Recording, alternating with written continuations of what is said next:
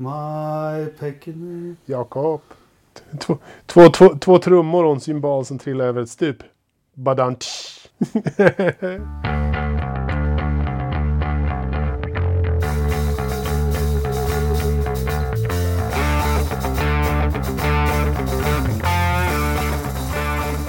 Riddersholm, Löfström och Engelmark hälsar välkommen till Forsa-podden avsnitt 109. Vi behöver inte fråga hur ni mår eller var vi sitter någonstans utan vi går rakt på saken. Det har ju varit eh, tre huvudrace för oss som gillar motorsport kan man säga. Två stycken Indycar och ett Formel 1 i Belgien. Sen har det väl varit massa andra obskyra lopp som Anders får berätta lite mer om. Eh, Fan vad bråttom du har. Ja, Du har ju fått order om att du ska intervjua oss så att lyssnarna vet vem som är med. Vem? Det är jag som är Anders. Det är jag som är Christian. Men de fyra lyssnare vi har har redan lärt sig vem som är vem. Ja. Ja, det är bra. Och jag och Jakob då. Eh, ja, ja, men ni mår bra och ni ser välmående ut. Ja, det ser ju alla. Ja, ja. Ja, eh, Ja. Vad ska vi köra igång med först då? Indycar eller Formel 1? Vad säger ni?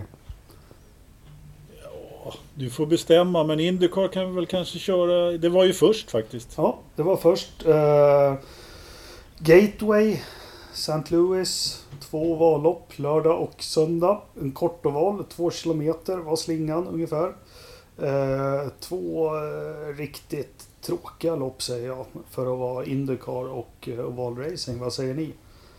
Ja, det, det, det infriade ju alla risk, eh, riskmoment som man eh, hade med ett eh, dåligt ovalrace. Sådär. Knappt en omkörning på banan utan bara massa action i depån. Det var Sato som hade en hårig omkörning på lördagen där. Ja, på söndagen. Nej, på lördagen hade han det, precis. Ja, en sån som Ja, på. Lövström På- skulle på benämna Pat- som en ytterrökare. Pat O'Ward. Um, ja, fast det var ju faktiskt några till ytterrökare. Eh, på, på, framförallt i starten då efter, efter gulflaggan som var på lördagen. Jag, jag håller med om att det var dåliga race. Trots allt så var ju det loppet på lördagen lite mer intressantare tyckte jag. För på söndagen hade man redan sett ett lopp. Och, och som kanske inte var... Det var ju inte det bästa Indycar-loppet man hade sett i världshistorien det här på lördagen. Men, men det hade ju trots allt den här eh, liksom, lite auran av att vara en kort, första kortovalen på länge och, och ja, men sådär. Man visste inte riktigt hur det skulle gå och både Felix och Marcus hade dessutom bra fart. Så det var ju liksom uppladdat för att kunna bli lite kul. Och, men det blev ju antiklimax redan på varv minus ett så, Ja, så kraschade de ju liksom. Ja. att, eh, ja, Men de är- innan de är ju roliga. Jag måste bara dra det här att de kraschar. För det, jag vet inte om det var en, vem som skrev det och var någonstans det var. Men de verkar inte vara så jäkla noga med tider så här. Viasat och Indycar och allihopa. Eh, Det är väl Indycar som inte, eh, som, jag vet inte. De hade ju redan tidigare liksom så hade de ju gått ut och sagt att ja men sändningen börjar 21.30 och vi beräknar eh, grönflagg vid 21.45.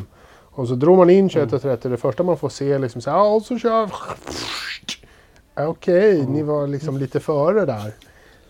Man hade li, bara lite Alltså- flax att komma in i tid. Liksom. Och sen på söndagen då startar ju lapp, eh, loppet. Ja, jag satt där troget vid TVn 21.30. Det startade ju en timme efteråt kändes det som. Men, ja. eh, men bara Ja, backa, men det- backa det- lite. Jag bara tänkte på det. Vi snackar ytterrökare. Har vi någon minnesvärd ytterrökare?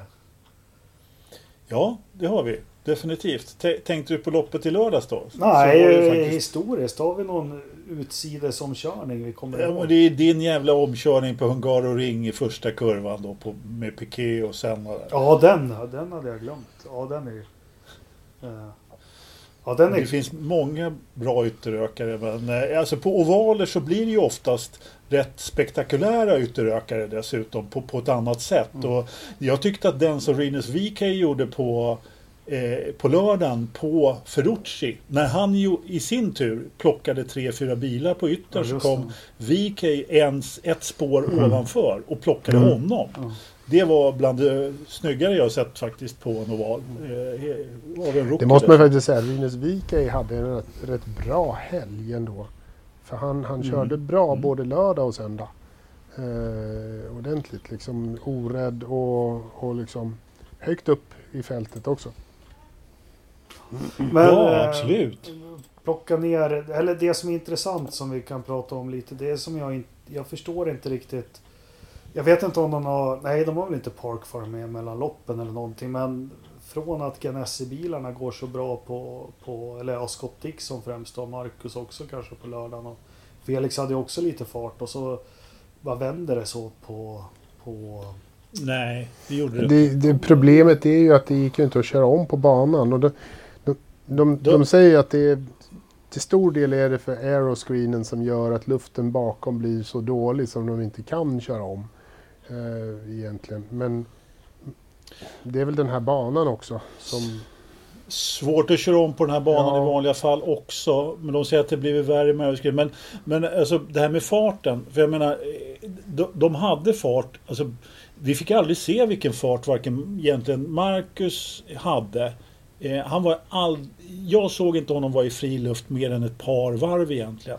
Scott Dixon han gjorde ju också som vanligt. Jag menar, han, han, där ser man ju hans rutin i samma start där som de eh, eh, som, som eh, VK Mm. och, och Ferrucci gjorde den här omstarten så plockade ju Dixon två platser Mm. direkt. Mm. Och Marcus försvann ju bara bakåt. Eh, Marcus höll sin plats medan, och, och för den delen Felix också medan Dixon han plockade två direkt. Liksom. Det är ju så man gör när man blir mästare. Det är så man blir mästare Ja, i Indycar. Det är så man vinner lopp. Han är ju återigen, men det får vara slut på hyllningar till honom. Han är ju elegant på kanten. Det är bara att titta när han kommer in i depån.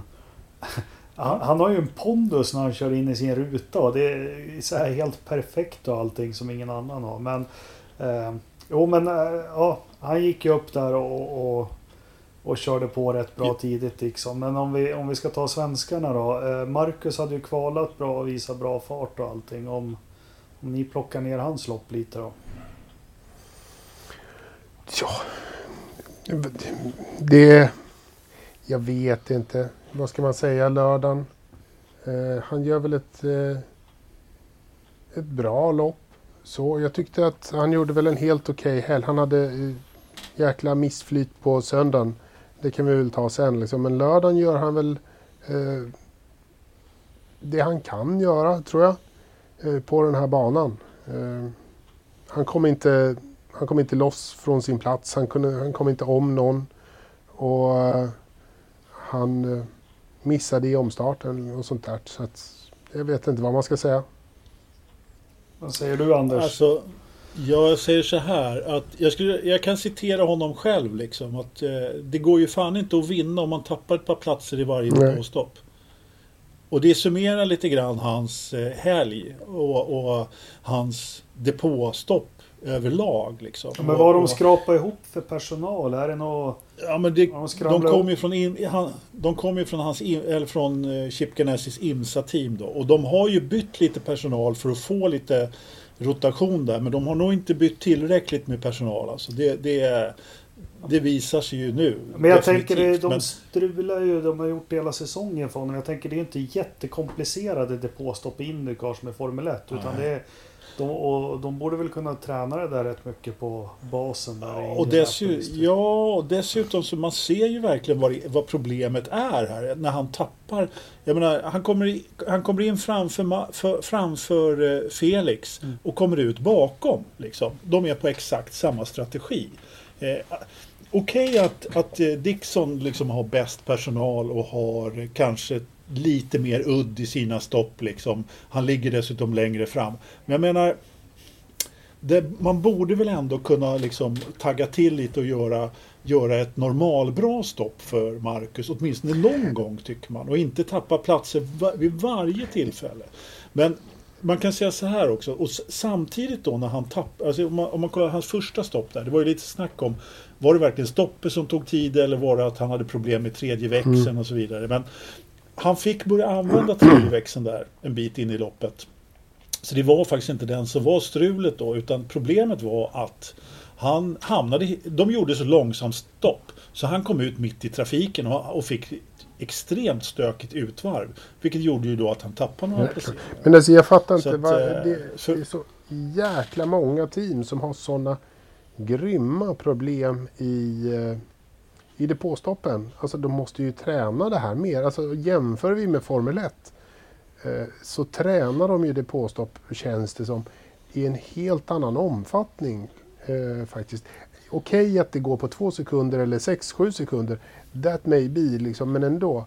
Eh, om du tränar tillräckligt mycket så, så det borde, alltså felmarginalen ja, men... är för hög i Indycar i just depåstoppen. Bara för det, det är alla, alla team har ju dåliga helger och mer än en dålig helg per säsong.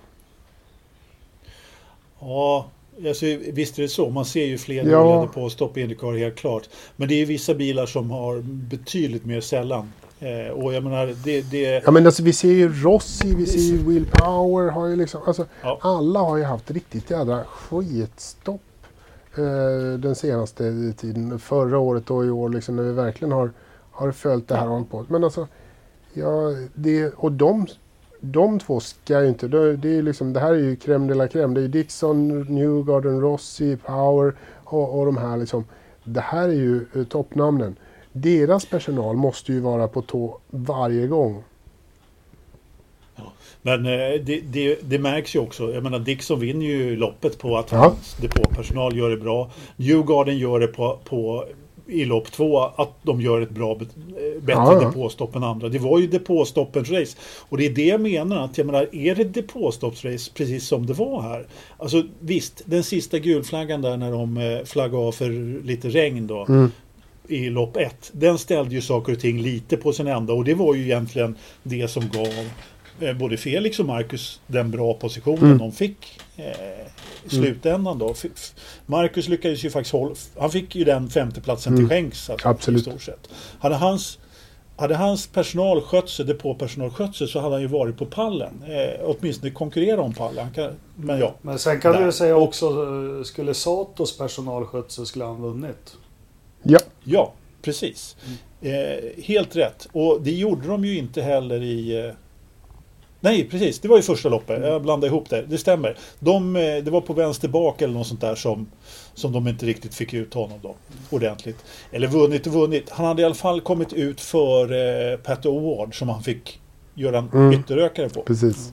Nej men det var fint av Sato också. Han sa efteråt att jag gör mycket misstag, nu var det någon annan som gjorde det. Det tyckte jag var han skulle ju kunna ja, varit lite mer galen och så.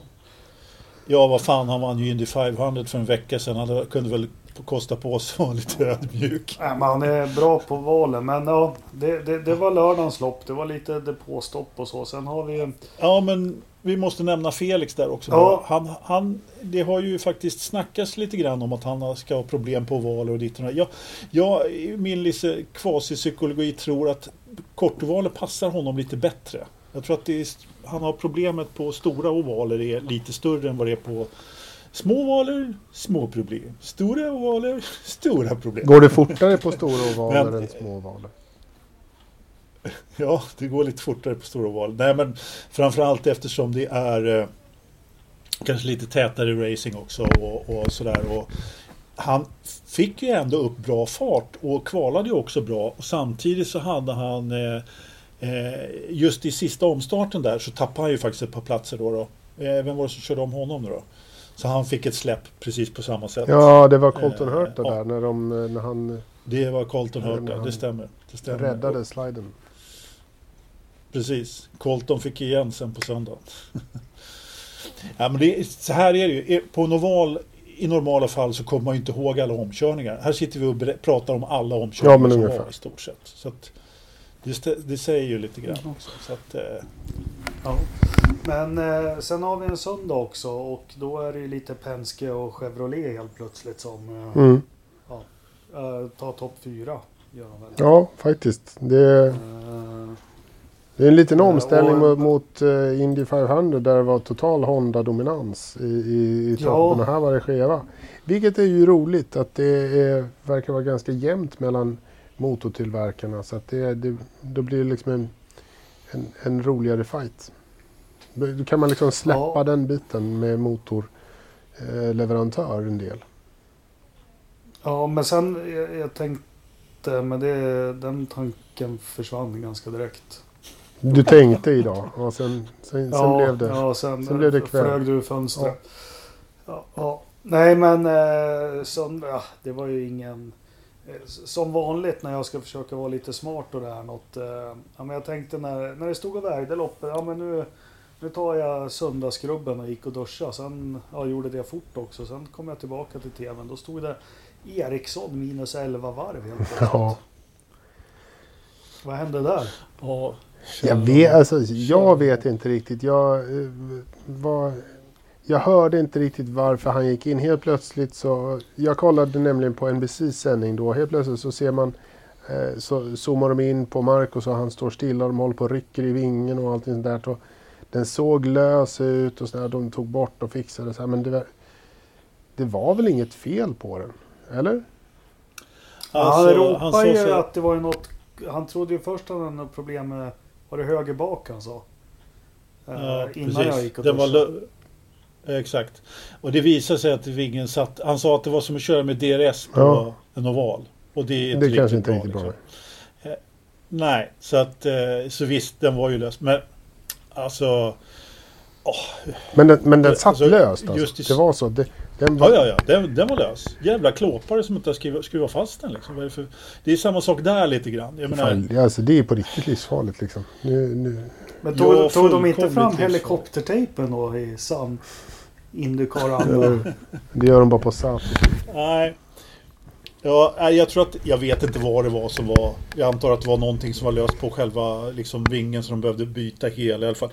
Och det, alltså, jag, hade, jag lyssnade först på Dixons radiokommunikation men där hände det inte speciellt mycket. Så jag gick över till Felix och sen så eh, hoppade jag precis över till Marcus då när han klagade på, på, på, på bilen. Och sen så Alltså de hade ju en annorlunda strategi, eller annorlunda, de försökte köra en annorlunda strategi. Men så fort de försökte gå in tidigt för att komma ut i ren luft så var det ju tio andra som försökte göra Mm. samma sak. Och dessutom så var det ju så hamnar de ju bakom varvade bilar hela tiden. Så att, och det, det, det kom ju inte ens om en sån som Carpenter som låg liksom och körde långsamt liksom. Och Charlie Kimball De- de fastnade ju fastnade alla bakom. bakom. Ja. Ja, precis, precis. Nej, men så då i alla fall så, så eh, när det är 70 varv kvar så dyker han in, så, så hojtar de till honom, pitty slap. Och han bara, ja, visst liksom. Och då börjar man ju fundera, liksom 70 varv kvar. Det kommer man inte riktigt på en tankning, så nu, nu vad hittar de på nu? Och så i alla fall så säger hans crewchief då att eh, eh, vi ska byta din bakvinge. Och Marcus bara, vad skulle ni byta sa du? Eller hur? Sen, sen, sen, sen sa de ingenting mer. Ja, kära nån. Så att han var lite lätt förvånad över, Ja, över nej, det. men det... Eller grinar emot. Men han, han har ju inget flyt och han är ju bevisligen nu kan vi säga eh, trygg och, och snabb på ovaler faktiskt. Eh, Synd att han inte får med sig de här riktiga resultaten faktiskt. Ja, faktiskt. Nej men precis. Och, eh, alltså, det vore, hade ju varit kul att se honom i fri luft lite grann där på söndagen. För han hade ju riktigt bra fart. Mm. Alltså, eh, när, när det väl... Det var väl några varv där som han och Fe, som Felix fick fri fart. Och du, eller fritt. Och då kunde väl han gasa på lite också. Mm. Men annars så... Nej, som du säger. eh, Bara miserabelt oflyt alltså. Måste man ju säga. Ja. Och sen, eh, ja, ska vi inte uppehålla oss för länge vid de här två valen. Men det slutar med att Sato mosar in i väggen så de får gå in i mål under gul flagg. Och han passar på att köra in på nionde plats fast det är konstig regel på något vis. Alltså jag blev lite, lite sur där faktiskt. Jag blev provocerad. Ja, men jag, jag också. Alltså, så här, du, du orsakar en gul flagg men det är så lite kvar så att du vägrar att lämna banan. Din bil är fortfarande liksom så okej så att du får åka men den är så trasig så att egentligen om det hade varit 100 varv kvar så hade du åkt in i depå. Nu var det bara några få varv så nu, nu fis kör du bakom den där så att ingen annan så att det inte kan hända någonting och du får dina poäng. Alltså jag blev fan förbannad på så han skulle bara ut. Teknisk flagg. Ja. Av, för jag satt också och blev provocerad. Jag tänkte eh, om Schumacher skulle kört Indycar och han behövde en nionde plats för att säkra titeln sista, sista loppet och ligger nia. Då skulle han gått upp och skrubba väggen. Alltså, Och sen, och sen bara Eh. linkat fram de sista tre ja, ja, varven. ingen får köra om Nej, det. precis. Ja, och, och det blev jag jätteprovocerad av. Jag tror inte han gjorde det här med flit. Men jag tycker om teknisk flagg och in med honom för att han orsakar gulflaggen på något Ja, vis. men precis. Nej, Han gick inte i muren med flit men han, Nej. där, på, sen gjorde han Ja, det där med precis. flit. Och det Och då, Ja, det var ja, säkert det, stallet som... han, det var väl teamet. Alltså regler, regler. Jag tänkte ju säga det. Ja men teamet sa säkert åt honom att stanna ute dessutom. Nej men jag håller med er båda. Det där skulle vara teknisk flagg direkt Ja. bara. Pang, pang bom. Men det slutade i alla fall med att Felix fick i alla fall med sig sitt bästa ovalresultat i Indycar-karriären. Två gånger om. Han, han tog ju bästa redan på lördagen och sen förbättrade han sig på Ja. söndagen. Ja, och sen får vi inte glömma att han var ju faktiskt med Eh, och högg på segern i, i första loppet som var på en lite mindre oval också. Det är ju, så det är, Anders, din teori stämmer där. Det är väl Indy 500 han har haft lite problem och så. Men, ja. Ja, det, det, jag tycker att det var skönt att se att Felix hade bra fart eh, på ovalerna. Det var, eller på de, i de här tävlingarna. Även om det var svårt att köra om och hela det kittet. Men det, det, det bådar ändå lite Mm. gott inför framtiden. Sen jag. stod han ju för eh, årets räddning måste jag säga. Åh Ja, jävlar. ja jäklar. Ja.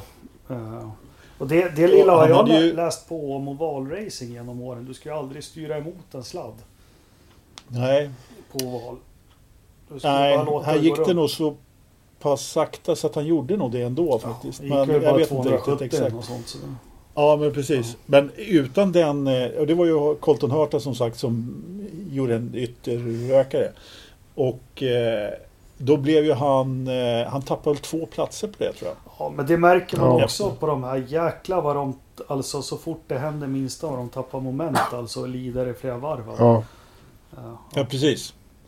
Verkligen just det där att man, just när du tappar momentet i, på en vanlig racerbana så är du ändå tillbaka och du kan blocka lite i någon kurva och Ja. sådär. Här swishar de bara förbi Ja. liksom. Ja, men vi stänger, vi stänger dörren till amerikansk racing nu tycker jag. Eh, Får jag bara säga en liten sak innan du Ja, stänger dörren. det Du måste alltid för, Ja, in med foten va. Ja. Nej, men jag tänkte vi kan inte, vi, vi måste fan nämna Pat O'Ward igen. Alltså jag har tjatat om honom lite tidigare, men jag menar killen smyger ju upp ändå alltså. Vi leder ju loppet eh, hur länge som helst, loppen hur länge som helst och, och, och liksom eh, klättrar in på en tredje plats på, på lördagen. Nitt, över 90 varv ledde han då. Han har, sådär. han har Och- dragit i, varit i ledning över 200 varv redan den här säsongen på valet. Så det, Ja, precis. Och, och, och, och, och andra plats då på, på söndagen liksom. Och, det, är- det är ju bara, är det någon jag unnar en seger så är det honom. Verkligen. Jag unnar Marcus har lite flyt i depå och bra depåpersonal. Och jag, så då kommer en seger för Marcus. Men jag unnar verkligen Pat O'Ward sin första seger också. Han har kört så jäkla bra. ja, verkligen. Så jag, un, jag undrar honom antingen ett nytt namn eller en ny nationalitet. För man kan inte heta Pat O'Ward och vara från Mexiko. Det är, Patricio. För mig, ja, pa, ja i och för sig, men Pat alltså han, han är ju irländare för mig. Man skulle kunna tänka sig att han har lite påbrå. Ja, det, kanske. jag misstänker Ja. det. Det, det, är inte, det Ja. är inte svårt att tro. Nej, men han ligger ju bra till i sammandraget också. Han ligger väl trea totalt. Eh, så att han har, ju, Ja, han har ju en bra, visst. jäkligt bra säsong. nu, Ja. ja, och det är rubrikerna nu efter det här loppet. Det är väl att Dixon är lite hotad nu. Men det tror jag inte ett skit på. Det här är, det är avgjort. Nej, alltså det, ja men precis. Det stod att Newgarden hade liksom... Eh, nu, var, nu var det inte så säkert att Dixon skulle... Nu, vad, vad var det stod? Newgarden har eh, inte... Stä, eller ja, mästerskapet är inte klart än. Det är det visst det. Men så länge det finns en matematisk chans, Valtteri Bottas, Ja. så finns det alltid en chans. Eh, Ja, men dessutom så är det väl så att vi, det har ju pratats ganska mycket, det är inte officiellt än, men det kanske blir två lopp på Mid-Ohio här i september. Ja. Vi pratade ju om det, vi fick ju en fråga om det i podden förra veckan där om, om det var några lopp som skulle köras i september och det var ju faktiskt inte. Men, och det är fortfarande inte officiellt men eh, det, det har pratats om fram och tillbaka och ryktas att det ska bli eh, en double header på Mid-Ohio 11, 12, 13 va? Ja, nå, någonstans ja, det är där. snart. Det, de hade faktiskt en intervju med eh, eh, chefen på NTT Indy Racing eh, i, på NBC där de frågade om det blir någonting eh, i Okej. Mid-Ohio. Han sa att det är inte Ah. färdigt än. Det är 80 till 90 procent klart och vi hoppas att få, få i ordning det. Eh, datumen är inte 100 procent spikade men de tänker sig då liksom september. Så att någonstans där mitten på september, den 12-13, det låter ju rimligt. Eh, Men de är, inte, de är fortfarande inte helt färdiga i, och inte helt överens. Men 80-90% Ja. sannolikhet. Vi får hålla tummarna. Var ligger Mid-Ohio, Anders? Jag ligger strax utanför Chicago. Du tar flyger dit och så tar du bilen. Bra. En, ja, Ett par timmar. Det, perfekt. ligger ju, det, var därför jag blev så förvånad att, att de ställde in Mid-Ohio eftersom det är, det är ju där i Midwest där de håller till liksom, med alla loppen. Det var ju det var inte långt bort men det var publiken tydligen Mm. som ställde till det. Att de inte fick släppa in publik. Ja. Det var lite det som var, då, då gick det inte riktigt ihop sig för dem. Då, så att, och det var ju faktiskt lite kul att se lite publik på läktarna. Även om det var väldigt sparsamt så, så var det ju ändå Mm. lite glest befolkat på läktarna där. I, Och förarna, de höll ut och höll avstånd Typ. på banan. Ja, ja men då, då stänger vi Amerika. För jag har lite Formel 1 här nu och, och det var väl ingen jättespännande race eller helg eller någonting. Men jag har några punkter jag tänkte få, få dra med er. Är det, är det okej eller? Får vi säga nej? Ja, Ja, absolut. spelar det, men det är inte så jävla mycket podd då så att jag tycker att du kör. För det kan bli spännande. Då, då kör vi. Men det, det är fyra, fem grejer. En sak. Vi tar rubrikerna då. Vi måste ju prata Ferrari. Ja, måste vi. Eh, ja, eh, nå- något måste vi säga om dem. För det gör ju alla andra. Sen så skulle jag faktiskt vilja att vi tog oss lite tid och kanske fundera på om vi ska omvärdera Lance Stroll. Om det har släppt lite för honom. Okej. vis. Eller om det är något annat som ligger bakom senaste tidens eller senaste loppens fart jämfört med Perez då. Ehm, Jag tänkte att vi skulle mitt team som jag har trott på sen vi började den här podden att det ska lossna. Eh, Renault, vad de fick sin fart ifrån. Mm. vad fan har du käkat för droger egentligen? Vad då då? Stroll. Nej men med punkt tre där. Renault? Alltså Stroll, punkt Nej. två.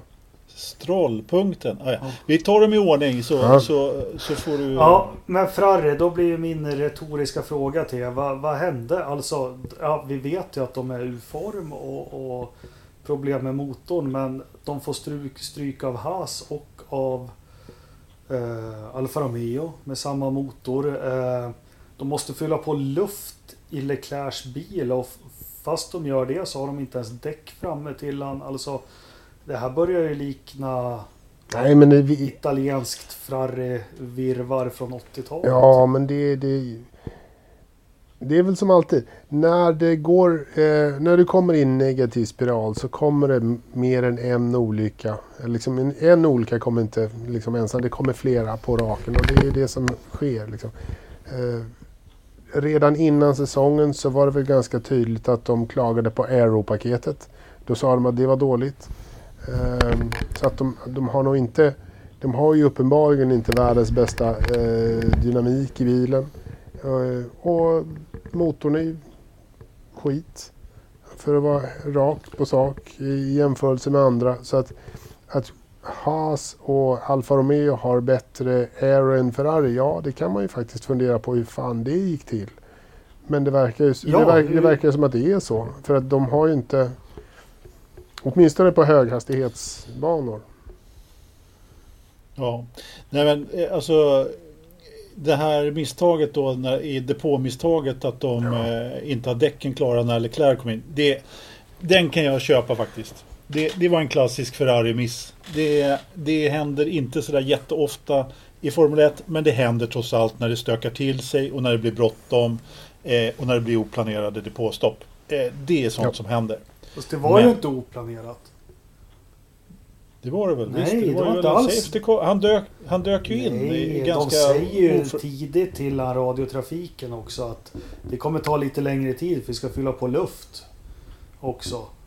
Eh, Okej. Ja, så Ja, det där var ju det- inte Nej, men pra, pratar ni om samma menar stopp? om... Det fanns ju ett stopp Ja, där in, ja, det Var det samma stopp som de fyllde på luft? Jag tror inte det var samma stopp. Det var väl två olika. Nej, de... I vilket fall som helst, i vilket fall som helst så, så det stoppet jag såg så var det så här att de hade problem att få fram Ja. däcken. Om de fyllde luft eller vad de gjorde så det var bara, ja, det, en sån grej köper jag att de inte har koll, riktigt koll på grejerna. Och eh, jag tyckte att det var oplanerat, då får det vara det. Ja, men, det, men jag håller med. Bara för det var, ett sånt, det var ett sånt stopp. Men sen fick han åka in en extra gång.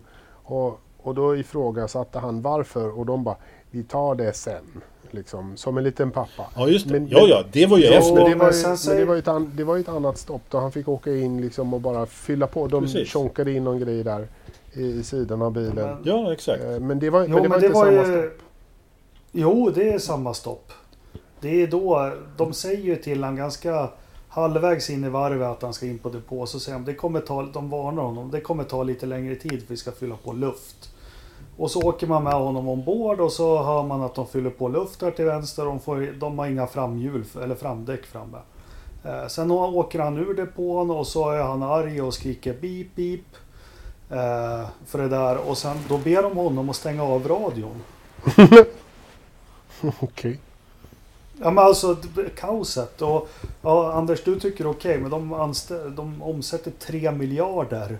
Och, och, Nej, jag säger inte att det är okej. Nu missförstår du mig med flit igen. Ja. Jag säger så här, det här är så, det här, det, jag säger att det här är sånt som händer och att jag kan köpa det. Att det är sånt som händer i stridens men- hetta. jo. Det, det, här är inte, det här är inte roten till Ferraris problem. Det är någonting helt Ja. annat. Det här är precis det som Ridderstolpe säger att går det åt helvete så går det åt helvete ordentligt och då händer andra saker också. Jo men Ja, det här är allt, liksom allt, den här typen utav problem som händer i, när, när det är liksom under en stressig Formel 1-tävling. Det var bara det jag ville jo, men, nej, men allt. Men, blir ju kaos och de ber honom vara tyst. Alltså de, de kan ju inte hantera någonting som det här nu. Nej men det är just det. När, när det skiter sig Nej, så skiter det. det sig på alla håll och kanter. Det- Och det är på samma sätt som när det går bra. Då går allting bra. Då, då har du liksom inga, inga problem. Helt plötsligt så eh, kommer föraren in på ett oplanerat stopp och du reagerar på det och det, allting flyter på och det går snabbt och du missar inte så mycket i däcken. Sådana saker får du ju plus på också när livet är bra och trevligt. Livet är inte bra och trevligt i Ferrari just nu. Så att, att det blir knas och strul och helt plötsligt måste fylla på konstiga saker i bilen och sådär. Det är ju för att det började gå dåligt redan från start. Och sen har det bara gått ner för. Så att, eh, alltså, Ja. ja, det, det, som förvå, det som förvånar mig i detta, det är magnituden. Alltså hur dåligt det egentligen det- går. Och just att, att, att, det liksom, att fallet är så brant. Mm. Jag menar, kommer ni ihåg försäsongen som, som var ganska lång liksom? Ja men alla trodde ju att Ferrari inte skulle vara med och så när det väl blir ett lopp så var, liksom, kom ju Leclerc tvåa, visserligen med lite flyt då. Och, och jag menar, de var ju inte jättelångt efter Jo, de var en bra bit efter både Ferrari och, och Red Bull.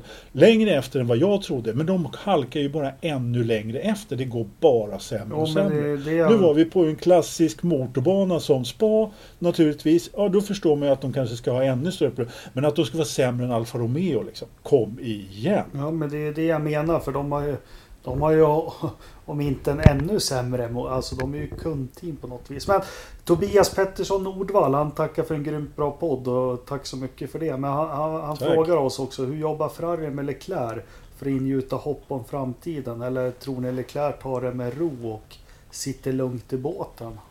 Nej, jag tror att, jag, Ja. jag tror att han... eh, men, han accepterar att det här är en skitsäsong och att nästa också är en skitsäsong. Eh, och han gör det bästa av situationen. Han kommer aldrig att byta från Ferrari ändå.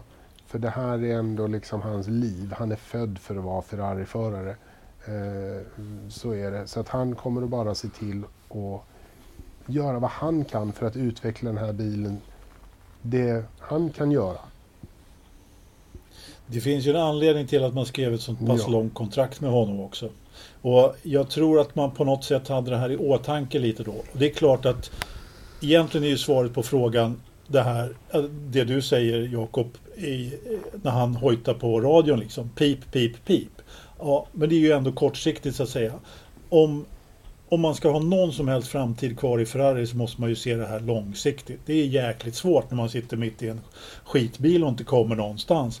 Och man dessutom vet att nästa säsong kommer det förmodligen bli li precis likadan. Och eh, vi kommer liksom till tre lopp i Italien på, på den motorbanan av dem alla i nästa vecka. Liksom. Det kommer ju bara, ja, herregud. Ja men det är intressant hur Leclerc, han är, det är en ung kille och vi vet ju när han körde med Marcus och allting. Han är ja, men som alla andra i det där fältet. Han, eh, han vill ju vinna. Ja, ja. Alltså. Väl, Eh, ja, ja, det är klart han vill. Men väldigt mogen ändå för att vara 20, vad är han, 21 eller? Ja, något det är bara att hoppas att han har bra folk runt sig. Men vi, vi, vi har ju några andra. Alltså, vi har ju supertalanger som Leclerc och, och jag tänker på som Verstappen också. Som liksom borde känna att tiden kanske rinner iväg. Vi kommer ingen närmare Merca. Och, och Ricciardo är ju också ett sånt exempel vi ska prata om sen. Som är en superförare. Men liksom, ja, Ja, men kolla George Russell. Eh. Han sitter ju där och bara väntar på att Bottas ska sluta få ett årskontrakt. Eh, ja, är det bara han som väntar på det? Ja, det, men, eh, men ändå liksom. eh, Apropå unga supertalanger som, eh, som inte har det så lätt just nu. Vad kan han göra? Han sitter i, i fältets sämsta bil. Han ska bara se till att göra det bästa han kan och det är exakt samma sak som Charles Leclerc ska göra. Han ska bara göra det bästa han någonsin kan av situationen och, och liksom acceptera att han har en, han har, Charles sitter i en Williams liksom, i princip. Så är det en jävla, jävla skitbil bägge två. Ja. Bobby Sandberg undrar eh, hur kommer reaktionerna bli i Italien när Ferrari floppar på Monza? Ni som har kontakter i italiensk media. Ja men det kan vi skämta om att vi har men ja, jag vill inte. Jag kan ju inte italienska så jag läser inte italiensk media men Det kom, lär väl storma lite kring Binotto och det kommer göra så jävla ont. Det kommer göra så Jag- jäkla Jag tror ont. att du kan, så, så mycket jag italienska tror att du kan man. så pass mycket, så mycket italienska så att du förstår rubrikerna i Gazettan efter Ja. detta. Så Vaffanculo. det här är... Ja men typ. Ja. Alltså det, det, det kommer inte vara nådigt och det, det ska inte vara nådigt liksom. Det, det här är, är deras pride and joy. Alltså, det, ha- det är, Ja, det är bara ren tur att de inte ska ha någon publik på Italiens GP i år. De har ju blivit lynchade. Jo, och det som har varit, vi som har följt Formel 1 väldigt länge vet ju att när de har legat risigt till förut Ferrari, 80-talet, 90-talet, då har de ju liksom skruvat på allt för att liksom göra en show just på Monza. Ibland har det gått vägen, Det är de har precis- vunnit. Men det kan de ju inte göra. Jag funderar också lite på det. Jag funderar lite på det. Ja. Har de någonting i bakfickan? Men efter den här säsongen så har jag trott hela tiden att de... Alltså det, nu kan det inte bli sämre. Och, och ändå har de liksom lyckats överbevisa mig om att de har blivit verkligen ännu sämre. Och, och är, de- ska ju dra en rejäl kanin ur hatten alltså om de Jaha. ska Ja, vara nu var det väl något snack om däckstrycken var väl jäkligt förändrade vad Pirelli säger. Och Pirelli är italienskt också. Ja, men vi får se. Men de har ju alltid gjort det. De har ju sett till att kvala fort eller vad som helst på Monza genom, genom alla år. om, om, de, om de gör de det den här dess- helgen efter, efter att ha varit så ohyggligt långt efter på, på spa. Om de får till ett bra kval på Monza. Då vet det fan. Alltså. Det är, Ja, nej men de, de hade ju ändå bra toppfart på Camelrakan. De slog ju något rekord jag där, var, 361 Ja. Det måste inte varit med mycket det- däremot. Nu, jag tror det var väl flera som var där uppe och nosade på 360. Ja, Ja, det. det, det måste varit jättemycket DRS och slipstream och allt. Mm. Från. Jag har aldrig sett de här bredare bilarna gå riktigt så fort. Så jag vet inte riktigt eh, vad de hittade på där. Nej. Nej. Eh, jag tänkte på det om Ferrari också, eller ska vi lämna Ferrari för stunden? Men det är upp till dig. Ja, jag känner mig klar. eh, vi Det, kanske- alltså, finns inte så mycket mer att säga. De, de har världens problem.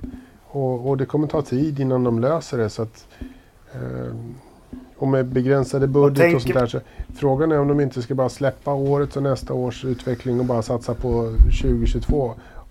Om de ens kan göra någonting där. Liksom. Jag vet inte vad man kan göra just nu i deras läge. Det finns ju ingenting. egentligen. Nej. Nej, och nej, nej, nej, precis. Och det, ja, eh, vi får se. Det som är intressant också, det är det här, det har ju blossat upp lite nu i veckan. Jag tyckte det var intressant det här med, får vi kalla det att de har fuskat med motorn förra året? de är dock fast för det men Nej. eh, jag, jag säger inte emot. Nej, men eh, vår vän i Mercedes, Toto Wolf, uttalar sig nu. Har ni sett det? Nej. Nej, men det blir en till dimension på det hela för att så spöade Mercedes blev efter sommaren förra säsongen. Ja. Eh, han hävdar ju i en intervju nu att det är ju folk som har sagt upp sig i hans stall och att det var nära complete burnout för de jobbar häcken av sig för att försöka komma ikapp motormässigt här. eh, dels under hösten och sen över vintern här och så visar det sig att de, ja som att springa mot någon som är dopad Mm. egentligen.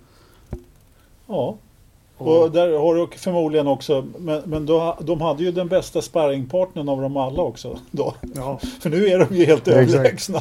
jo, jo, men ändå. Det blir en annan dimension Jo. på vad, liksom, vad han känner som kanske företagsledare då. Att, eh, han sa vi har förlorat jättemycket folk som liksom inte orkar med Mm. och jobba i det tempot. Och, ja, var Ja, många ja. ja, men det kan ju vara en konsekvens naturligtvis. Då blir man ju lite för, ja, men då blir man lite förbannad på Ferrari för att de att eh, det indirekt de, han säger ju indirekt att det är deras fel att min personal måste jobba så hårt för att komma Ja. ikapp. Och ni, och ni men fuskar. det sa Ja, precis. ja. Det var som han, eh, vad heter han, skidåkaren som sprängde sig när han försökte hålla samma tempo Elofsson. som... Per Elofsson. Mm. Elofsson ja. Mm. När han h- försökte hålla samma tempo som Mm. Mühlegg. Ja. Johan. Ja, för fan. Det var, ja, usch, det var läskigt när han kom dreglande Ja. där. Ja. Ja, Ja. fy. Eh, ja, men du, vi tar nästa ämne då. Eh, Lance Stroll har ju jag gjort mig rolig över och hånat ganska Har du? Eh, Fan ja, vilket jag sätt. Jakob. Fy på dig. Och eh, det finns ju två vinklar på det här nu. För han har ju faktiskt kört bättre än Perez sista loppen och, och hänger på rätt bra. Både i kval och i racen. Eh, och då tänker jag så här. Har det lossnat för han eh, för att han känner att det har blivit diskussioner om fettel dit och hans plats kanske är hotad och han måste visa pappa och alla andra. Eller har man börjat ge honom lite bättre material än vad Perez får? Eller har Perez feber? Ja, Han har ju... Han Ja, men, nej men alltså, Alltså, Lance Stroll är väl en helt okej förare men han är inte en bra Formel 1-förare för det. nej men det har ju hänt något sista loppet. nej, det har det inte. Nej. Det har det inte. Det enda som har hänt det är att, eh, eh, att Perez inte har kommit upp i sin normala nivå skulle jag säga. Mm. Alltså förra loppet när, eh, i Barcelona då fick Perez ta ett extra stopp, var det inte så? Och det var därför Lance Ja, eh, kom, körde om för honom. däcken skulle ju Eh. gå sönder eller vad det var. Ja, Mm. men precis. Exakt. Ja, och nu, vad, vad var det som hände nu? Det kommer jag inte ens ihåg. Nej, han vart utkvalad och... Det blev han väl inte? Jo, Stroll kvalade ut Perez. Eh, Okej. Ja. Det gjorde han väl i Spanien med tror jag. Perez startade 8 och Stroll 9. Jag vet inte om det är en utkvalning. Ja, men vänd på nian och precis. Ja. ja, men det är inte den här en och en halv sekund eller något eh, som det är i vissa andra stall. Ja. Nej, men det, är, det var en tiondel nu tror jag. Och Perez är ingen superkvalare. Han är ju en klassisk Marcus med lång stint och inte vassast i kvalen. Och, och om Stroll inte ens kva, kan kvala ut honom så nej, alltså det har inte hänt någonting med Stroll. Han är på samma nivå som tidigare. Jag, jag, jag måste säga det att Hylkenberg visade ju också det ganska tydligt att eh, vem det var som eh, som får de in en ordentlig förare i det där stallet så, så åker Stroll på Ja, däng. men vi- och Perez vi- har ju dängt till honom. Vi stryker den att, eh, punkten då helt och hållet. För det kände, där fanns det inga öppningar. Men eh, vi går på Racing Point. Och, är, är den så jävla bra den här rosa Mercedesen? Ja, Det, det den är ju det. Eh, sätt, sätt, Alltså, sätt, in, ju- sätt in Sebastian Vettel i den där bilen och du ska nog se att det, Ja. det händer saker. Jag tror att Ja. det, det skulle... De skulle plocka poäng och de skulle plocka pall, pallplatser och Vettel skulle få en ny start och det skulle bli roligt att se. Och håller hända grejer. Liksom. Men, men de här två, två killarna i rosa bilar gör... Nja, de, de Ja, levererar man har inte. ju alltid sagt att eh, Force India, Jordan, eh, att de alltid har, vad heter det på engelska, punch above ens Mm. weight. Liksom. Man har sl slagits i en viktklass Mm. högre. Eh, eh, och, och liksom slagit bilar som man kanske inte ska slå. Nu är man helt plötsligt då, nu är man tungviktare som är nere och kör mellanvikt. Liksom. Det är, Ja, men sen är det också med alltid. Eh, sen de var Jordan. Vart snabba på spa. Mm. ja, och Otroligt det var snabba. de ju inte nu. Nej. Och det är för att de har två dåliga förare. Ja, In med Grosjean och Magnusson där. Så. Ja, det är klart. Alltså, Grosjean är ju på väg därifrån, eller vad var det? Man skulle, man skulle skicka in en ansökan till, eh, till. Gene Haas, eller Ja. till Günther. Günther att hasf1.com. Ja men vi Ja. stryker Racing Point och, och hela den där då. Men eh, eh, det jag vill snacka om nu också. Jag har ju hävdat jättelänge och jag har ju pratat om cykler och allting och jag tror ju stenhårt på Renault. Eh, nu visar de upp lite fart här och eh, på en bana som kräver lite motor. Nummer ett. Eh, Renault-motorn har man ju sagt har varit dålig men de hade ju väldigt hög fart och eh, Ricciardo är ju en eh, stjärna. En eh, alldeles för lysande stjärna för att sitta en Renault eller en McLaren nästa år. Men eh, vad var det som vände för Renault den här helgen, tror vi? Eh, jag vet inte om det var någonting. De, eh, både McLaren och Renaults fabriksstall körde ju, hade ju Eh, hygglig eh, fjutt på, på kärran. De körde ju ganska bra tror jag. Men eh, Renault körde ju också väldigt lite downforce. Eh, det fanns ju de som chansade på regn eh, på söndagen. Men eh, det gjorde ju inte Ricciardo. Han, han körde ju åt andra hållet istället. Så han körde ju väldigt mycket low drag eh, på, på lördagen och söndagen. Ja, men det är klart. Det var ju faktiskt en liten faktor som spelade in. Att eh, Mercedes, de gör ju aldrig någonting halvdant utan de hade ju safeat upp med lite mer downforce om det skulle bli vått.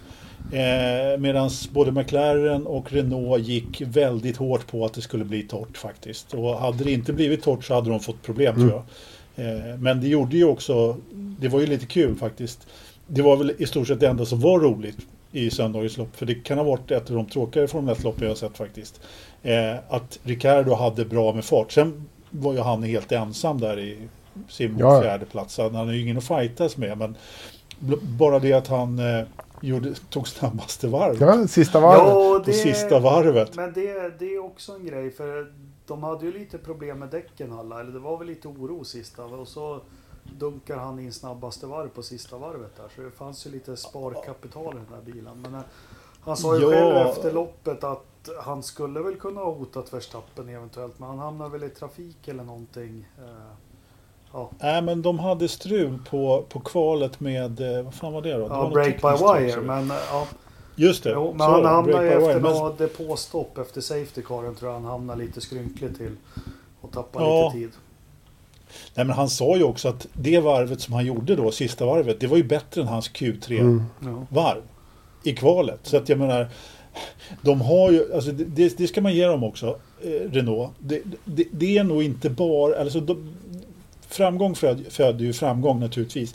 Men de har ju, jag ska inte säga att han är fältets bästa förare, för det är helt omöjligt att avgöra egentligen på de här to- i toppen. Men han är ju i den absoluta toppen. Mm. Han gör ju skillnad. Han är ju en sån som gör stor skillnad för ett stall om de ska ta segrar eller om de ska Absolut. ta liksom stora Men kliv det, framåt. det, det, Ocon Ja. gör ett bra, han gör ett bra jobb i helgen och han är helt jävla utklassad. Liksom. ja. Men det gör mig också lite less på hela... Alltså, en sån som Ricciardo, han ska, han ska ju sitta i den där han satt innan, i den andra Red Bull-bilen eller i den andra Mercedes-bilen. Fast han kan, Eh, ja visst men det, det där är tillfälligheter som, som gör det. Det är så små marginaler du har och det är så små möjligheter som finns att du ska komma in i en Merca eller en Ferrari eller en Red Bull. Eh, och, och det här liksom, jag, men däremot så ser jag fram emot nästa säsong med honom i en McLaren Mercedes. Jag tror att det kommer bli skitbra. Eh, Mm. Jag, skulle, jag, jag tror jag har tillförsikt, ser med tillförsikt på framtiden och jag litar på Zack. Jag Mm. håller med dig helt Ja, rätt. det, Zac Brown vet vad han håller på med. Ja, det gör han. Och, eh, verkligen. Men det kommer ju-. Men jag, Även om man säger att dynamiken i McLaren idag är helt fantastisk med de där två uh, Pelle Jönsarna liksom, så kommer den inte bli sämre om, om en, eh, om en spillevink som, som Ricciardo kommer dit och ska munhuggas med Lando Norris. Det kommer ju bli jätteroligt det också. Så det, det kommer bli toppen. ja, det, Så, vi har ju en legendarisk presskonferens när de... När Lando Norris börjar grina. Ja. Ja, skit i samma. ja men eller hur. Eh, Men, eh, nej, men det jag menar, jag förstår också att det är, alltså, det är tillfälligheter och allting. Jag menar bara för sporten och som fan så vill Ja. man ju se. Som på 80-talet, Prost och Senna i bästa bilen. Ja, absolut. för att det kanske var Senna och eh, Salah eller någon som körde ja, som det är i, i Mercedes idag. Eh, nej, men det var, jag tycker ändå det är kul. Jag, jag tycker det är lite friskt där. Och, och det som är med Formel 1 nu då, det är ju att det, den största behållningen, det är ju mittfältet. Ja. Ja men visst är det. Visst, Ja. Det är klart det. Jag menar det var ju inga tidsskillnader egentligen Nej. i mittfältet. Och du, det, du gör ju som förare kan du ju göra skillnad där Mm. i mittfältet nu. Vilket du inte kunde göra Nej. förut. Eh, alltså, eller det kunde du väl då med. Men, men nu kan du ju liksom ta två tiondelar och hamna tre, fyra platser högre upp på griden på ett, Mm. ett kval till exempel. Och det, apropå, apropå det förresten, vi har inte pratat om Science. Nej, jag skulle komma till det. Eh, den kommer. Det fanns ingenting att prata om. Ja, Nej. eh, nej. nej, men det jag tänkte ju på inte det är ett jäkla Eller race om tredjeplatsen här i konstruktörs-VM. Och nu tog, ju, nu tog ju Renault stora poäng det här loppet. Så nu är det McLaren, Renault och... eh, ja, det, Ja, Racing efter- Point blev ju av med poäng och så Ferrari har ju lyckats skramla ihop lite. Så det, det är där det finns en fight.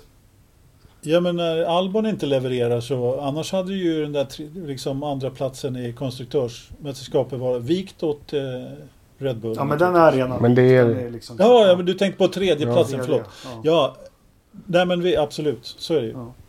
Ja, nej men det blir, det blir spännande att följa. Nu åker vi till Monza och det, det största behållningen med Monza det är ju att ja, det är publiken där och, och när man tittar och korta race, vad brukar de vara? 70 minuter brukar det ta va? Ungefär.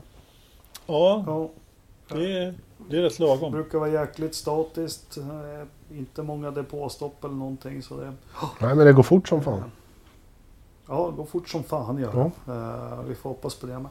Är det något annat? Jag tänker, ja, Carlos Sainz var inne på det här och dels ja, eh, rosta sönder avgassystemet där på installationsvarvet så han inte kom till start och sen så får han ju mitt i all bedrövelse beskåda hur det går för den bilen han ska sitta i nästa år. Hur, hur, hur känner han sig nu?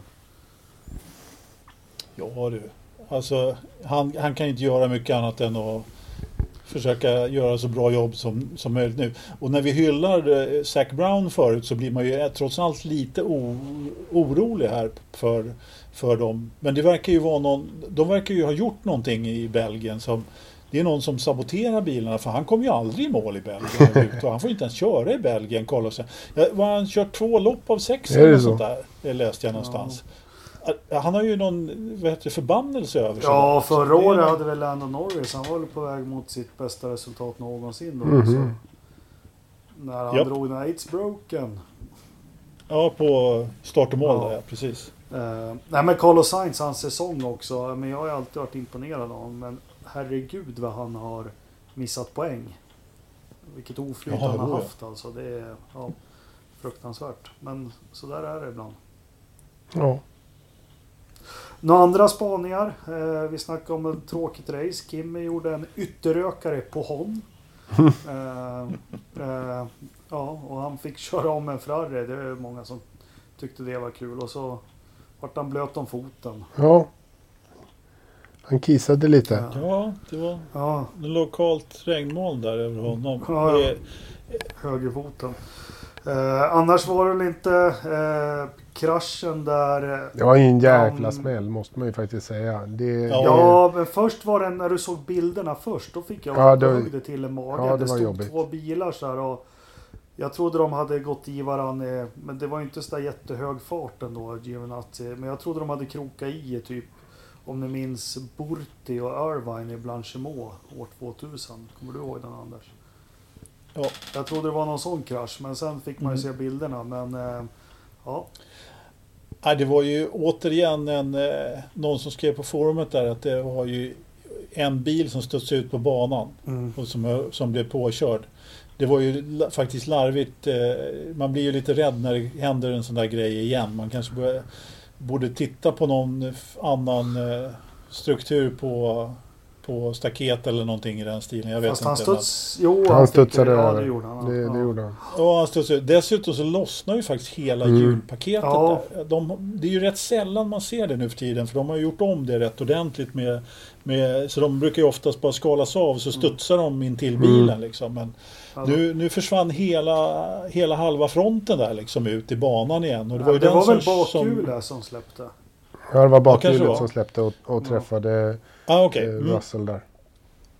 Russell, ja precis. Han var ju glad över halon där Ja, också. Så att, förstår eh, jag. Det, det, alltså, Mm. ja, eller hur? När man kommer i- får en sån där rackare i nosen liksom. Det är inte roligt. Ja, jag var ju en Halo-motståndare men man vänjer sig med tiden. Jag, när man tittar på gamla race nu, jag fattar inte hur de vågar köra utan.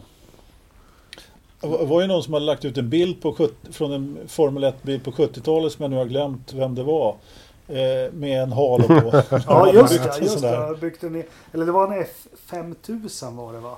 Som Ah, klassen okej, hette, Ja, eh, var det, ja.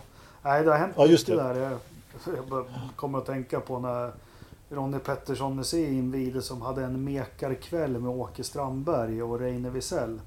Lotus 72 där så tog de bort framvingen på den. Och så sa Reine, ja men här var ju dåtidens kraschstruktur. Det var liksom Ja, två stålrör som var 3 millimeter. Som bara, Ja, bara satt där liksom för att ha något att hänga på vingen på, eller nospartiet.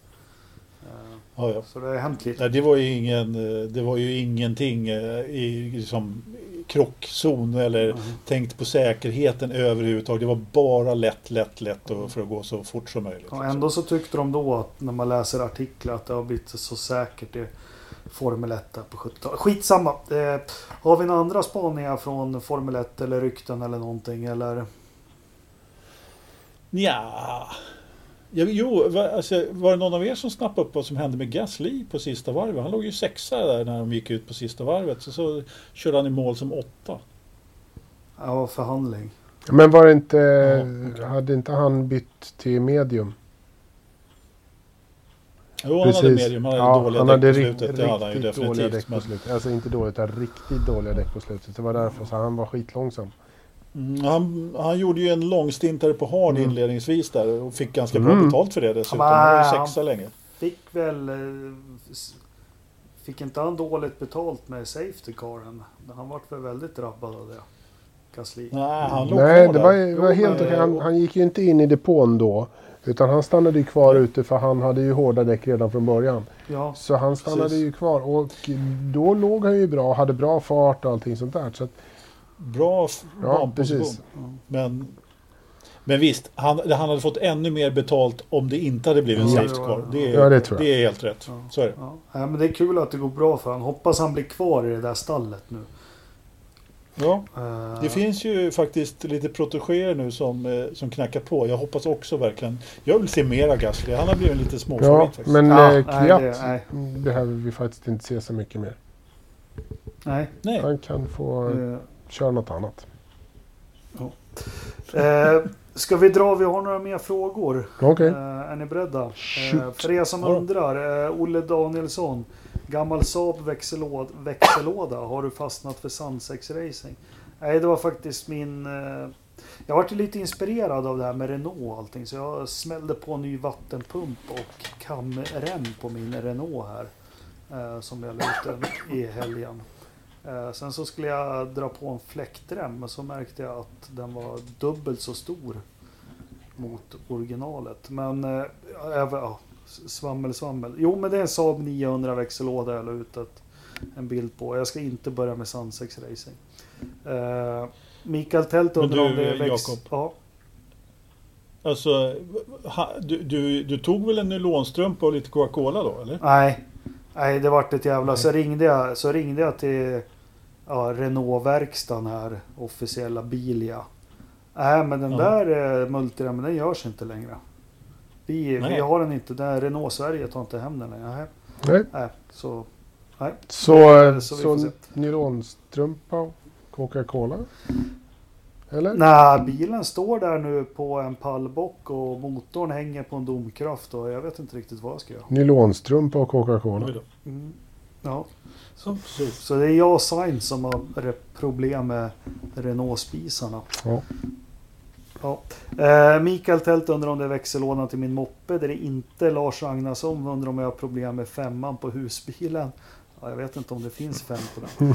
Eh, Urban Dorbell säger, skriver så här. Bottas måste vara en överlägset den tydligaste andra föraren genom tiderna som funnits. Som det förnekas att han är. Bottas dåliga omstarter bakom Safety Car kan inte bero på honom. Mercedes lämnar ju aldrig något åt slumpen. Om de inte vill att Bottas ska ge Hamilton 20-25 meter försprång vid omstart så hade de vrålat snäll, snäll i hjälmen på Bottas. Det är likadant varje gång. Bottas håller upp fältet så Hamilton kan dra iväg. Och för att förtydliga så när Bottas frågade om, om man hade ett tryck kvar på overtake-knappen så blev svaret vi använder inte den mot våra egna bilar. Uh, istället för Valtteris It's James. Ja, jag förstår inte riktigt. Men uh, ja, uh, det, Det här- man gör gällande här det är att han blir lite motarbetad Bottas. Ja, men så här. Valtteri svarade ju också så här att när, när de sa så här, det, vi använder inte det där tryck, så här push to pass knappen använder vi inte på våra egna bilar. Han bara, I never heard of that. Det var ju hans kommentar. Men å andra sidan så får vi också säga så här, motståndet Valtteri Bottas har i Mercedes är ju liksom unheard of. Det är ju magnifikt. Att, att säga att han förlorar 20-25 meter mot Lewis Hamilton. Ja men det är för att Lewis Hamilton är så jävla mycket bättre. Just Ja. nu är det ju faktiskt så. De, säger, de, de gör ingenting för att motarbeta Bottas. Ehm, Tror inte jag heller. men däremot så, Nej. så kan man nog säga att han är nog inte den, den mest tydliga andra föraren genom historien. För då hade Ronnie Pettersson nog mera tydliga andra förare som hade det inskrivet i kontraktet. Till exempel. Ja. Så att eh, han, han, han sitter i rätt bil vid fel tillfälle. Ja, verkligen. Sen Typ. har han ju inte den här... Eh, som vi var inne på tidigare, det är ju inte Ricciardo eller Nej, Verstappen nej. eller Leclerc-kaliber på honom heller. Nej, det är det men, eh, sen var det ju en löjlig diskussion om den här knappen. Skulle jag varit, skulle jag varit ingenjör skulle jag sagt ja men för att ens kunna använda den så måste vi liksom vara, vara nära Hamilton. Ja, men alltså grejen är den att man kan ju diskutera, vi har ju diskuterat Bottas Ja, i vi, ja. tid och otid och, och alltså min, min, min, eh, mitt lilla svar på, på frågan där, den tydligaste andreföraren. Det finns många tydligare andreförare än Valtteri Bottas. Eh, man behöver inte gå så långt tillbaka som till 1978 och eh, Ronny och Mario faktiskt. Utan eh, alltså det är bara att titta på den storleende brasilianaren Ja. på tidigt 2000-tal som fick i öronen Let Michael pass for the championship. Eh, jag menar, hallå, Rubens Barrichello. Alltså han har ju andreförare stämplat i Ja. pannan. Liksom. Han, jag menar, på tal om att inte ha däcken klara liksom. Det har här är jag också tjat om. När, de, när, när liksom formationsvarvet ska, ska gå så står det liksom en Ferrari kvar på pallbockarna liksom. Ja, det är inte Michael Schumachers Ferrari. Det är Rubens Barrichellos eh, Ferrari som står där. Liksom. Och, och jag menar, hans efterträdare var ju lika mycket andreförare han också. Så att Eddie Irvine uttalar sig liksom ironiskt om att vara andreförare själv. Eh, I stort sett. Han tyckte han hade världens bästa jobb. Jag får ganska bra betalt. Jag slipper testa för Michael Schumacher. Han skulle göra alla testerna själv för att han skulle liksom ha bilen som han ville den. Så att Irvine, han, han, han tyckte det var toppen. Ja, liksom. perfekt. Han, han, han var ju som han var och, och liksom uttryckte det. Så att vi kan väl säga så här. Det har funnits en ganska lång rad med, med andra förare av en ganska tydligare kaliber. Sen är... Va? Sen Nej, att, det var inget. Nej, men sen att, sen att, sen har, sen har ni rätt i eran eh, diskussion om hans kaliber där, eh, Bottas. Var- På, en bra dag, på en bra dag så slår ju han Lewis Hamilton. Men när han har bara en som, eller rättare sagt när Lewis har en dålig dag, då slår ju, slår ju han honom. Men, men Lewis vet ju att han kommer Ja, ju ja. vinna över honom nio gånger av tio liksom. Det var ett att, jävligt långt svar på en lång fråga. Ja. Men eh, det, det enda jag landar i det är att jag omvärderar Nico Rosberg som chaufför. Det har det är många som gör just nu. Verkligen. Eh, eh, faktiskt. Och, och man kan säga att han vann VM 2016 för att Hamilton hade lite otur. Men han, han pressar faktiskt Hamilton varje år. Eh, Ja, ja. 2014, 15 innan han tog. Och det, det gör ju inte Bottas. Det är liksom, Nej, men han får Bottas sitt lopp honom i ett lopp. Australien varje år eller något. Mm. Det. Ja, nu var det Österrike liksom. Han, han, han, han pressar honom i ett lopp och, och, och vinner. Och, men sen blir det inte mer. Sen rullar Lewis iväg liksom. Vi tar eh, också en lång fråga från Anders Egeland. Eh, jag vet inte om han har frågat oss förut, men hej Anders. När Formel 1 är ett sömnpiller på bästa bana är något fel. Merca är för överlägsna. Eh, dock är de inte det i ren fart, varken på ett kvalvarv eller över ett varv i race. Det, det här är intressant som han skriver. Det är mindre skillnad i F1 där alla, nåja, bygger sina egna bilar än i F2 där teamen har samma bil att utgå ifrån. Det där är också en reflektion jag har gjort. Alltså, det är ju mer packat tidsmässigt på ett kval i Formel 1 än vad det är i F2. Från första till sista bil. Mm, vi kan ta det. sen. Ja, eh, det är mindre fartskillnad mot resten eller skillnad i poltid kontra sista tid nu jämfört med andra eror som McLaren, Williams, Schumer, Ferrari. Ändå är racen sämre nu. Min killgissning är att Mercedes är för bra och kommit längre än övriga på att förutse och ha en plan för alla utmaningar som kastas mot dem. Vad kan göras för att stävja detta då fartskillnaden uppenbarligen inte är så stor? Kan något göras i reglemente? Kommer budgettak påverka detta? Eh, har ni några tankar på åtgärder? Ja, och så vidare. Eh, ja, en, en lång men alltså in, intressant reflektion tycker jag. Eh, Mycket. Eh, Just det, Mercedes är helt överlägsna. Men jämför vi, jämför vi ett kval nu mot när McLaren var helt jäm, eh, överlägsna 1988. Då kunde det skilja 68 sekunder på ett kval mellan en McLaren Mm. och sista bil. Nu skiljer det aldrig Ja. mer än två sekunder. Nej, och, äh, men han har ju en, en helt rätt där att de är ju helt enkelt eh, vet överlägsna på att förutse saker och det, precis som man säger, kastar det som kommer kastat emot dem så plockar de ner. De plockar ju ner alla de här bollarna.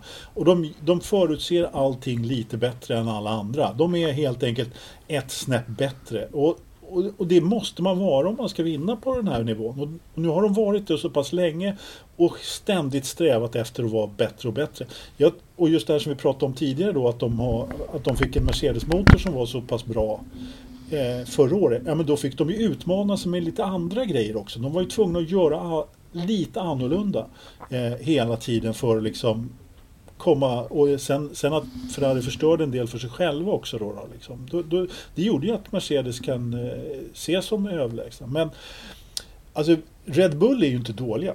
De gör ju allting väldigt bra de också. Men de har ju inte riktigt eh, den här Mercedes-motorn och de har inte riktigt den här eh, edgen som, eh, som Vet Mercedes du vad, det- har vet på vad det kallas Anders? Det kallas för tysk precision. Ja, jo, Ja, det, lite så. vi, Helt klart. det, De har... vi, vi raljerar ju lite med tysk precision men det är ju precis vad det här är. Det är Mm. liksom, du du måste ha koll på alla möjliga eventualiteter och de ser till att ha koll på alla möjliga eventualiteter och ha en plan för vad de ska göra. När det här händer så gör vi det här. Och har man det, har man det så, så blir det ju bra. Liksom. Då, är du, då blir du en Ja. vinnare. Tysk precision ledd av en österrikare. Ja. Det känner vi igen. Det känner vi igen. ja, precis. Ja. Exakt. Men, Nej, eh, men sen... jag måste bara avbryta. En sak som Ja, har fallit helt med Mercedes och utvecklingen och allt som kastas på dem och eh, Ferraris fuskmotor förra året och allting. Men DAS. Ja. Jag ser att han, de sitter och rycker i ratten och Mm. de gör det när det är Safety Car och allting. Men det är ingen som pratar om det längre. För att det var, Nej, men det är ju också ytterligare en sån här liksom liten, liten detalj som Mercedes håller på med. Sen att, de, sen att den detaljen syns väldigt mycket. Eh, och jag menar, ja, de får rätt temperatur i däcken med, med trombonerna liksom. Ja, och vilket gör att allting annat går så mycket lättare. Det är ju små, små detaljer hela tiden. Den där är ju en, en del i. Nu kommer ju inte de att ha den till nästa år, men de har ju vunnit på den i år, helt klart. Ja. Helt klart. Men, men nej, det pratas inte så mycket om. Nej, Ja. men Eh, ja. Nej, men det är imponerande. Det är lång era. Vi har aldrig haft en sån. 14, 15, 16, 17, 18, 19, 20 och förmodligen 21 också. De flesta stallen som har såna eror, då, det håller i 3-4 år max. mm. Eh, Ja. Så det är, det, är, det är imponerande, det måste man säga. Eh, Olof Laneryd, när byter Haas motorleverantör? Ja du. Haas har ju kört in Aldrig. sig i ett ganska hårt hörn där så att det, ja. det, det är lite svårt för dem att göra så mycket. ja. Eh, Fredrik Stråle frågar då, när byter Ferrari motorleverantör? Kan man ju undra. De, de ringer Toto. Och Johan, sa, ja, Johan Sahlström har eh, ett svar också på frågan. Ja, Hasby är nog snarare ett satellittid i, i Indy istället. Ja, vi får se vad det blir med det. Eh, det var det. Då har vi tagit oss igenom alla frågor då. Eh, Ja. har vi gjort. Eh, och så ser vi fram emot Monza. Och sen så har vi Mugello va? Och eh, Imola. Är det tre lopp på raken i? i Nej, Imola kommer i- först det. senare. Ja, Sen är det Ryssland emellan och... Just eh, det, ska dit. Det är någon paus också. Det, det, Ja. Nu är det back to back. Eh, Men sen är det lite paus. En vecka. Ja. ja, det kan de behöva. Eh, vårt avslöjande förra veckan. Eh, Williams har ju gått ut och dementerat att Bernie Eccleston har någonting med, med eh, uppköpet av Eh. deras stall att göra. Mhm. En klassisk eh, bekräftelse. Ja. ja. De, de Eh, säger dessutom att Claire ska sitta kvar. Vi kommer inte röra någonting i styrelsen på det här. Nej, okej. nej, Å andra sidan, nej. så här. Eh, det här de, de som köpte kan ju driva företag.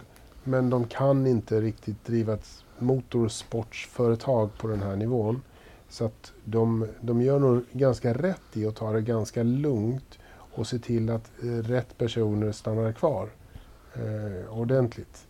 Och, och knyter Men är Claire rätt person då? Nej, Men det, annan, det vet jag inte. Men eh, och det är inte person att, att avgöra heller. Liksom. Nej. Alltså, det, det kan jag inte. Men det finns ju ganska många andra som de måste knyta åt sig ganska ordentligt för att det här ska bli ett, ett lyckat Enterprise. Eh, med, med liksom, bara för de själva kan de ju driva företag men de kan inte driva ett motorsportföretag som är en, lite grann en annan business. Men vem är BCE? Ernie Charles Eccleston. Men, Ja. Alltså, vi, ja, precis. Jag menar, vi behöver inte ens diskutera det där med... Även om de har gått ut och dementerat det så är det ju... Alltså, som jag sa förra veckan. Är det inte Bernie så är det någon annan som vill ha, som vill, eh, ha kvar Williams i Ja. sporten och, och göra det. det är, så, så enkelt är det. Det, det. Allting tyder på det överhuvudtaget. Det, är- det, han, det kanske är Max Mosley Ja, jävlar. Ja, som skojar till det lite. Liksom. Han har startat en fond, BCE. Men Och- och bränner Bernie har startat. MN. Bränner inte han alla sina pengar på annat, Max Mosley? Ja, om man har, han har nog bränt så det räcker. Ja. Nej, men spännande. Vi får se om de träder fram till slut eller om någon gaggar upp vad det, vad det egentligen är. Eh, Eller vem det Vi egentligen får se. Ja, vi får se. Eh, Anders, Ja. har du någon eh, häftig utblick i motorsportsvärlden? Har det Ja, men vi kan, väl åt... Vi, vi kan väl återknyta där till... eh, till eh, det, vem var det som frågade? Eller som hade Urban var det kanske? Mm. Om F2 där i eh, Mercedes. eh, Att det skilde mer i F2. Ja, om- ja, ja. Nej, det var inte Urban. Det var någon annan. Eh, att det skil, skiljer mer i F2 där man utgår ifrån samma bil än vad det gör i F1. Precis. Eh, liksom, i tidsmässigt. Sådär. Och, och det finns ju rätt många förklaringar till det naturligtvis. Men det är en intressant iakttagelse måste jag säga. Och, alltså, samtidigt när man ser då ett tråkigt F1-lopp så kan man ju direkt bara säga, ja men kolla lite på F3 och F2 då. För där, där händer ju faktiskt betydligt mer i loppen och är mer underhållande. Men om man ska liksom ta det här, det, toppen är ju betydligt, betydligt smalare i F2 än vad den är i F1. Vi har ju några, eh, inte blåbär i F1, men vi, vi har ju en tydlig eh, topp och det är ju trots allt de flesta är ju extremt duktiga förare i, i F1. I F2 så är det ju tyvärr inte så, utan det är ju en och annan blåbär faktiskt. Det är ju en feederserie som ska vara liksom, så att man ska komma upp, men vi, äh, det, det, det, man ser en del rejäla blåbär. Nu är inte han Indien med som var 10 sekunder långsammare per varv förra året på, på spa, men Semaya som är också ett riktigt blå. Jag menar, kolla min liksom stora idolson eh, som Giuliano Alesi. Menar, han gör ju ingen glad i den där serien. Ja, han kan ta en femteplats en gång, liksom, men nej, vad fan. Ja, men jag, jag, jag menar- hoppas ju, jag gillar ju inte hans farsa, men det finns ju något så att man vurmar för Mick. Ja, Ja, och, och så man, Mick, men man vill ju det. Han är ju kämpigt med pappa är dålig och, och allt sådär. Och, och man vill ju se att det kommer upp söner. Så här, men ah, fan, det tänder inte riktigt till på honom va? Nej men det gör inte det. Och han är lite slätstruken. Ja. Liksom. Han, han, är, han har inte det här, det blixtrar inte om honom. Nej. Och det är samma, samma sak med Pedro Piqué. Liksom. Han, han gjorde det faktiskt lite hyfsat bra här i helgen. Men nej, det var ändå liksom sådär. Nej, det är inte riktigt den här liksom blixtrande. Och, Men det finns ju en till Piqué i F3 och det finns en till... Eh, Ja, jävlar vad han har Manin i ringlat F3 av sig Nelson alltså. Det är helt sjukt. Ja, Ja, det har han. Vad var du på väg att Nej, säga? men, ja, men jag funderade på det här liksom med jämnheten i Formel 1 jämfört med liksom att det är intressanta racingen i, i Formel 2. Det är väl liksom, kommer inte det lite naturligt? När skillnaderna är jättesmå så blir det inte jättespännande för då blir det gärna lite statiskt. Om skillnaderna är större så har du ju större utrymme att, eh, att det händer saker, att det blir en annan typ av racing och en annan typ av... Så, så att, att det är... Att det är så i Formel 2, ja. Det är väl spännande, det är väl bra. Ja, Men jo. det intressanta är ju precis som jag kom på nu när jag sa det här att de har en typ av bil i Formel 2 och tio typer av bilar i Formel Ja. 1. Nej, men det, är ju, men- det, är ju, det är ju som en del inne på Formel 1. Alltså, det är ju så... Du pratar om Mercedes. Det är ju så ner på detaljnivå liksom. Mm. Så, alltså en sekund man kan sakna. Det var ju... Trots att det var alltså Leighton Nej. House eller Nej. när Will... Eh, men det finns ju inte nu.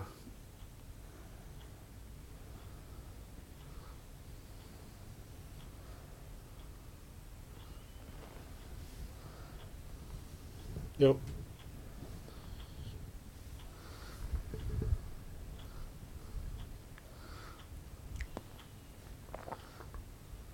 Nej, det, överraskningarna är ju inte speciellt många nu för tiden. Det är de Nej. inte. Eh, Det är ju när det blir regnlopp då som vi kan se lite annat. Men däremot i, i F2 kan man ju se lite överraskningar. Vi har ju några, vi har ju några stall ändå som är bättre än andra. Det finns ju liksom lite A och B-stall där också naturligtvis. Och, och det är större skillnad. Även om det är hyfsat stor skillnad i Formel 1 också så är det ju trots allt så att Prema är ju efter eh, Monsieur Strolls härjningar där så är ju de väldigt välfinansierade, har tre bra bilar, eh, juniorförare till Ferrari och, och hela kittet då. Och, och jag menar, men återigen liksom så stannar det jag tror inte det har hänt.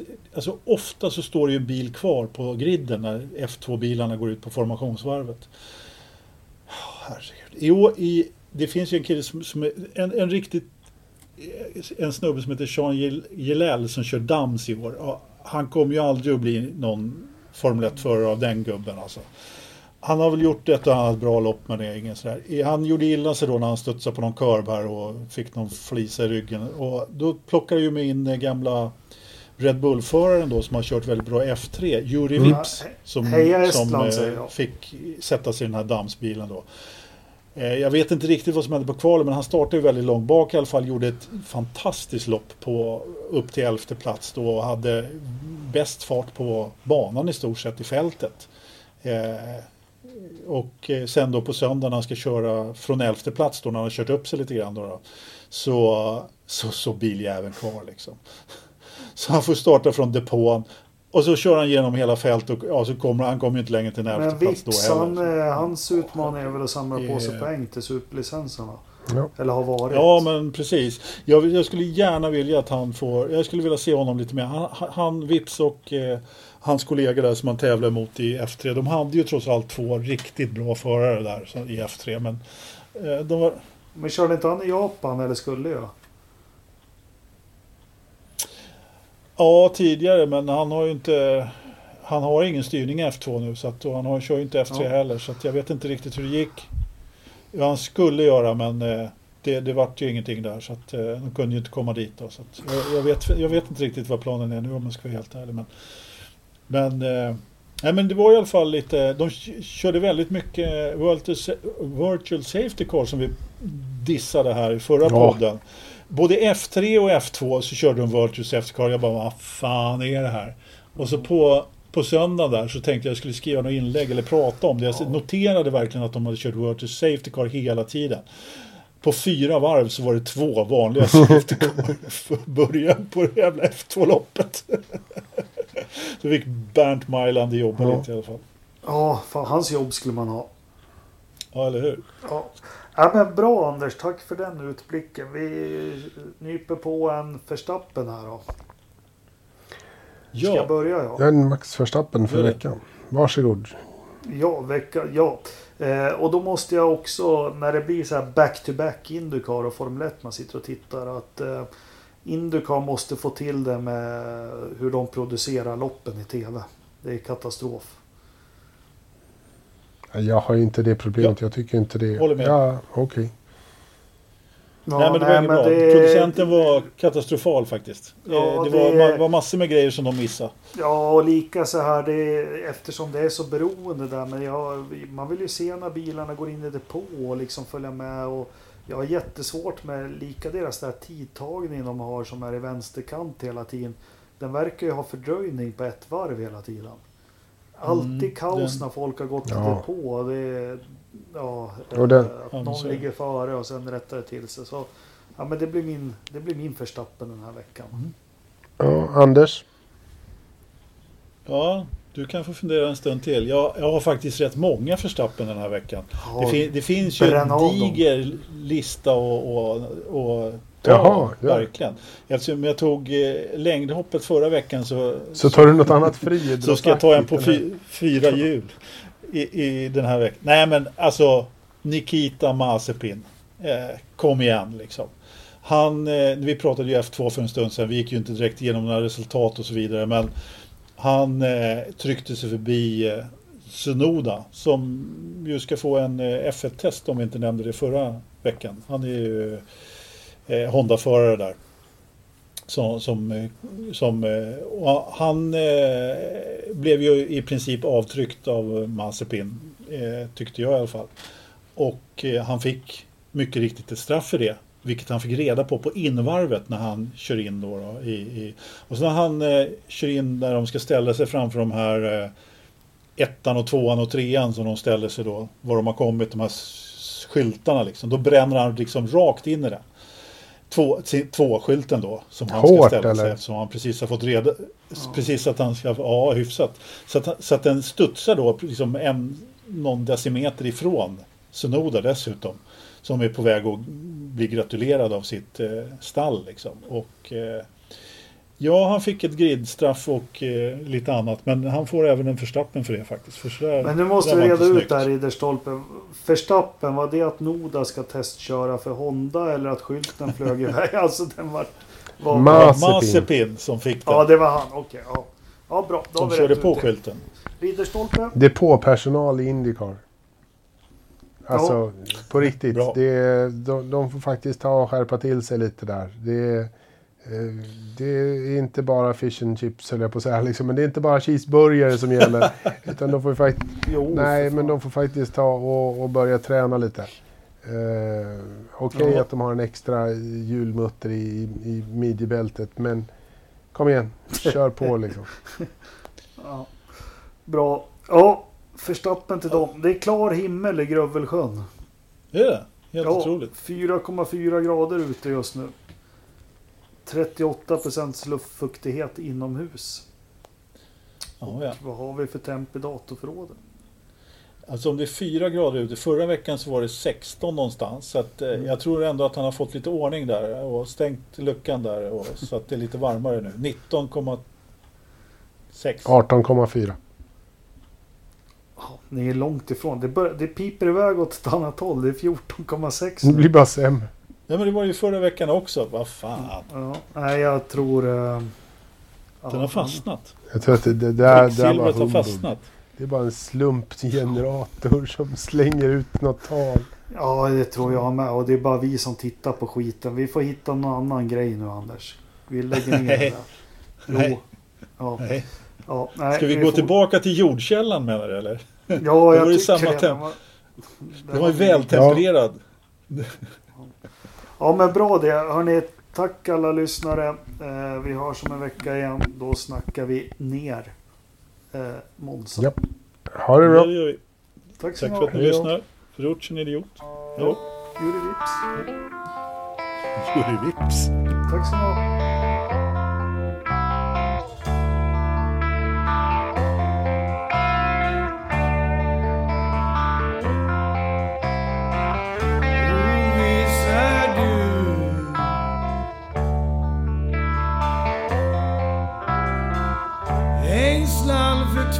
love.